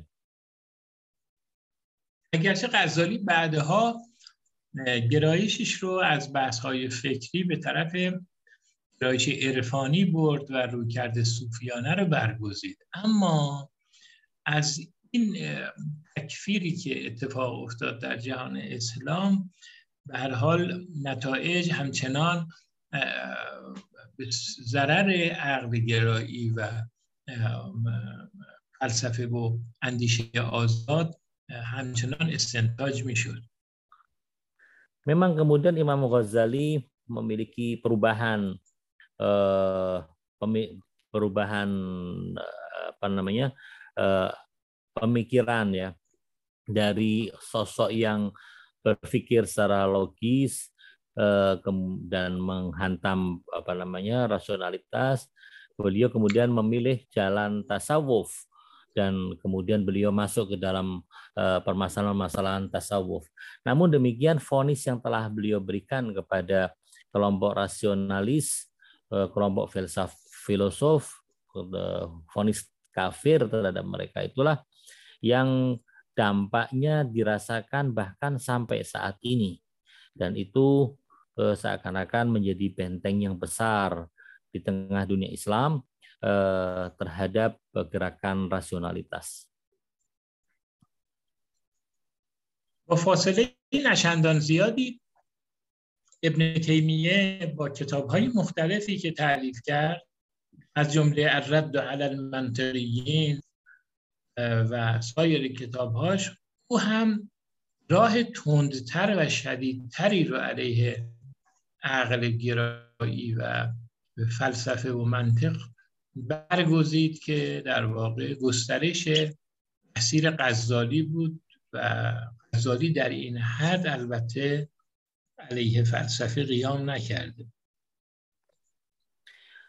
beberapa zaman kemudian dan tidak jauh zamannya dari Imam Ghazali muncul seorang tokoh lain bernama Ibnu Taimiyah yang memiliki sikap dan pandangan yang juga keras terhadap uh, rasionalisme uh, dia bahkan menulis buku Ar-Rad Alal Mantiqiyin, yakni buku yang menolak uh, para ahli mantik dan ahli logika. Uh, bahkan dikatakan disebut-sebut bahwa Ibnu Taimiyah, sikap Ibnu Taimiyah terhadap kelompok rasionalis jauh lebih keras dibandingkan sikap Imam Ghazali. گرچه فخرالدین رازی از نظر تاریخی بین این دو شخصیت قرار داره رویکرد معتدلتری نسبت به فلسفه داشت و همینطور ما می‌بینیم که ابن رشد علیه غزالی کتاب تحافت و تحافت رو می نویسه و رد می‌کنه دیدگاه های غزالی رو. اما متاسفانه جریان فکری که در اون چند قرن شکل گرفت روی کرده ضد عقلی و ضد آزاداندیشی بود tokoh seperti Fakhrul Razi yang hidup antara zaman Ghazali dan zaman Ibnu Taimiyah adalah sosok lain yang mewarnai dunia pemikiran Islam. Memang Fakhrul Razi dikenal sebagai tokoh yang tidak setuju dengan rasionalisme dan filsafat, tetapi sikapnya lebih netral dibandingkan sikap Ghazali ataupun, ataupun Ibnu Taimiyah. Eh, di tengah belantara pemikiran semacam itu, kitab Tahafutul Falasifah yang ditulis oleh eh, Imam Ghazali dibantah oleh seorang filosof muslim yaitu Ibnu Rushd yang menulis buku Tahafutul Tahafut yakni kesalahan-kesalahan dari kitab Tahafutul Falasifahnya Imam Ghazali. Eh, inilah pemikiran yang terjadi di tengah dunia Islam ketika ada sekelompok orang yang menentang, yang mengembangkan rasionalisme, mengembangkan rasionalitas, muncul kelompok lain yang menentangnya, kemudian penentangan itu juga dijawab oleh kelompok yang eh, pendukung rasionalisme. خب اگر که تا اینجا دوستان نکاتی دارن که مایلن مطرح کنن در این زمینه گوش میکنیم Sampai di sini jika ada dari teman-teman yang akan menyampaikan pandangan atau pertanyaan silahkan.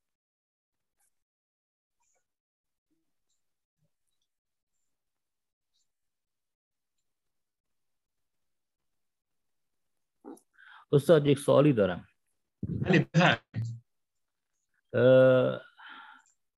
فرمودید که غزالی درسته امام غزالی کتاب درباره تحفظ الفلاسفه نوشته بله بله اون که ایشون کتاب تحفظ الفلاسفه نوشته من اینجوری برداشت منه و اون این برداشت من از این کتاب تحفظ الفلاسفه ایشون در صدد نفی عقل گرایی نبود بلکه نفی فلسفه گرایی بود.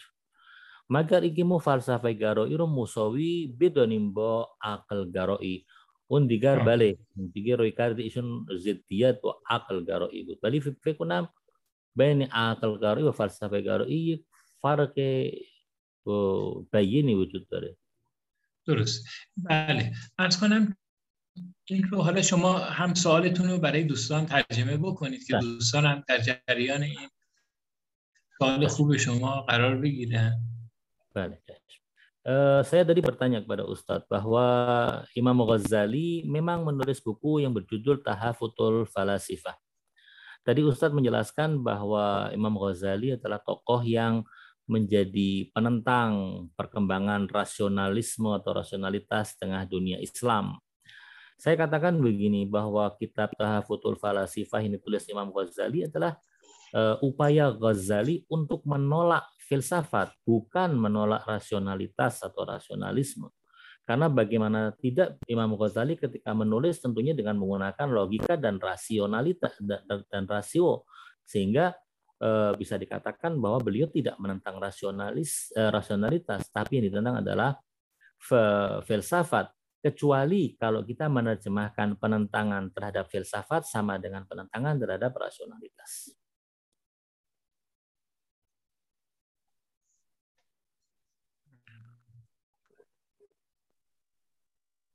Boleh تموم شد فرمایش شما. Bale, bale. بله بله. ببینید چند تا نکته در اینجا وجود داره. البته ما اینجا فرصتمون زیاد نیست. من خلاصه عرض می‌کنم اگر لازم بود انشاءالله تو جلسه بعد تفصیلش رو عرض می‌کنم. اولی که در اینجا وجود داره غزالی در اونجا دیدگاه های ابن سینا رو مورد هجوم قرار میده. یعنی ابتدا دیدگاه های ابن سینا رو به نام کتابی به نام مقاصد الفلاسفه این کتاب مقاصد الفلاسفه گرچه غزالی آماده کرده بود که خلاصه حرف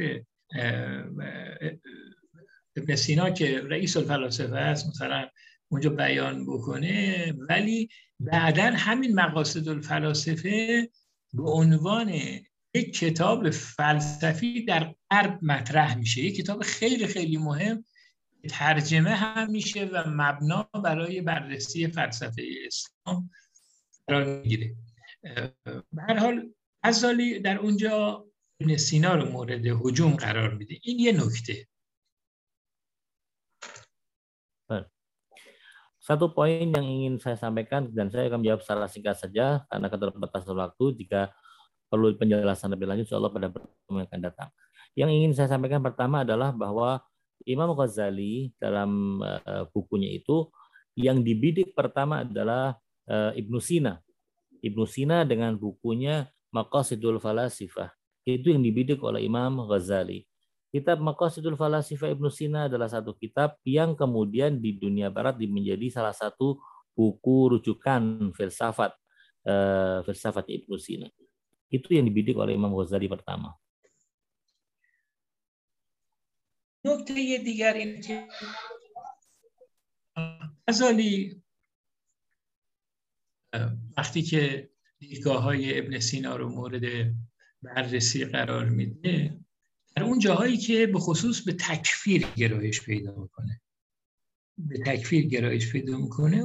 اونجا دیگه بحث عقل آزاد مطرح نیست از سوی غزالی. غزالی میگه این حرف شما به کفر می انجام. توجه میفرمایید اگر ما عقل اگر ما عقل گرایی رو به معنای اندیشه عقلی آزاد بدونیم در اینجا غزالی با اندیشه آزاد فلسفی مخالفت کرده. که چون اینجا به کفر می انجامه بنابراین حرفتون مورد قبول نیست. و هستش که یه فردی یه بحث عقلی میاره فلسفی یونانی میاره شما میاد با همون روش عقلی ردش می‌کنید خب هم شما هم طرفتون هر دو عقل گرایید. قبول. البته غزالی در بعضی موارد اینطوری عمل کرد. اما در بعضی موارد عقل گرایانه عمل نکرده. یعنی فیلسوفانه عمل نکرده. نیومده بگه این حرف شما غلطه به این دلیل به این دلیل عقلی. میگه این حرف شما با اسلامی که من می‌فهمم تعارض داره. خب اگر شما این استدلال رو ببینید این استدلال دیگه استدلال عقلی و فلسفی نیست. این استدلال استدلال نقلیه. بنابراین در اینجا فلسفه غزالی با عقل گرایی داره تعارض پیدا می‌کنه. در مواردی که میاد میگه این با این روایت یا با این آیه تعارض داره این کار کار فلسفی دیگه نیست. کار در واقع یک یک دلیل نقلی داره یک دلیل عقلی رو رد می‌کنه. Ya, uh, Imam Ghazali uh, memang di dalam dalam kitab itu dia mempersoalkan permasalahan metode rasional rasionalitas yang digunakan oleh Ibnu Sina dengan mengatakan metode yang Anda gunakan ini akan bisa me, uh, akan akan berujung kepada uh, penentangan terhadap agama Islam, akan bertentangan dengan ajaran-ajaran agama Islam. Memang kalau kita melihat, kalau seandainya kita perhatikan, Imam Ghazali dalam membantah pandangan-pandangan filsafat, sering kali menggunakan eh, metode rasio, rasionalitas, sehingga bisa dikatakan bahwa walaupun filsafat menggunakan cara-cara eh, logika dan rasio, Ghazali pun menggunakan hal itu. Sehingga kalau kita melihat dari cermin ini, Ghazali bisa dikatakan dia menggunakan rasionalitas. Tetapi yang menjadi inti permasalahan itu adalah ketika dia berbicara dan mempersoalkan metode yang digunakan oleh Ibnu Sina dengan mengatakan bahwa metode akal atau rasionalitas yang digunakan oleh Ibnu Sina ini bertentangan dengan Islam yang saya kenal dan bisa berujung kepada kekafiran. Di situlah vonis kafir Ghazali muncul terhadap Ibnu Sina dan uh, metode rasional rasionalis rasionalitas.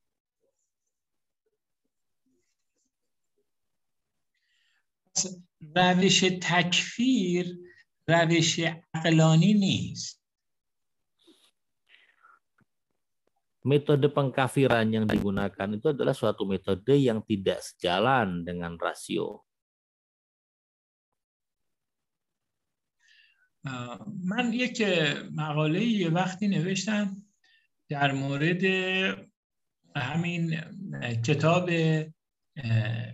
تحافت الفلاسفه و نقدهایی که ابن نقدهایی که غزالی بر ابن سینا وارد می‌کنه و که در سه مورد هم همونطوری که ارز کردم تکفیر فلاسفه رو می‌کنه و مثل مثلا در مورد صفات خدا اون تکفیر فلاسفه رو می‌کنه. یکی مسئله حدوث عالمه یکی هم مسئله قیامت. آره. این ستا رو که این با مبانی دینی متعارضه. خب این بحثا بحثاییه که به هر حال بحث تعارض یک کسی که داره بحث عقل آزاد رو قائله این مطابق با اون نیست یا di dalam pembahasan-pembahasannya Imam Ghazali memberikan vonis kafir di antaranya yang saya pernah saya pernah menulis sebuah makalah artikel berhubungan dengan masalah tahafutul falasifahnya Ghazali. Eh, salah satu hal yang di, yang saya soroti adalah vonis kafir yang diberikan oleh Ghazali dalam masalah ketuhanan.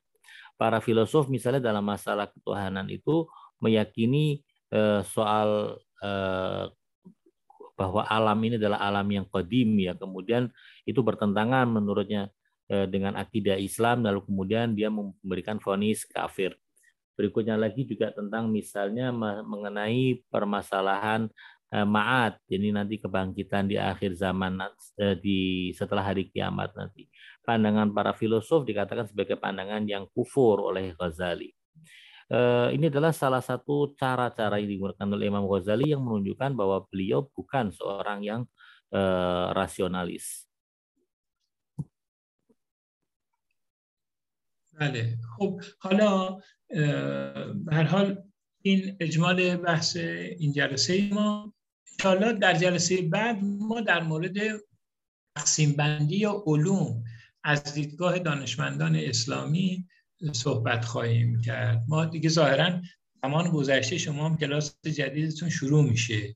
بله شما. من از شما خداحافظی می‌کنم و سلام علیکم و رحمت الله و برکات و علیکم السلام و رحمت الله و برکات انشاءالله pada pertemuan yang akan datang kita akan membahas mengenai klasifikasi ilmu pengetahuan di tengah dunia Islam insyaallah Karena waktu sudah selesai dan akan ada pelajaran saya mengundurkan diri. Tasyakur Ustaz. Hafiz. حیاکم الله حیاکم الله السلام علیکم و رحمت الله و برکاته Waalaikumsalam warahmatullahi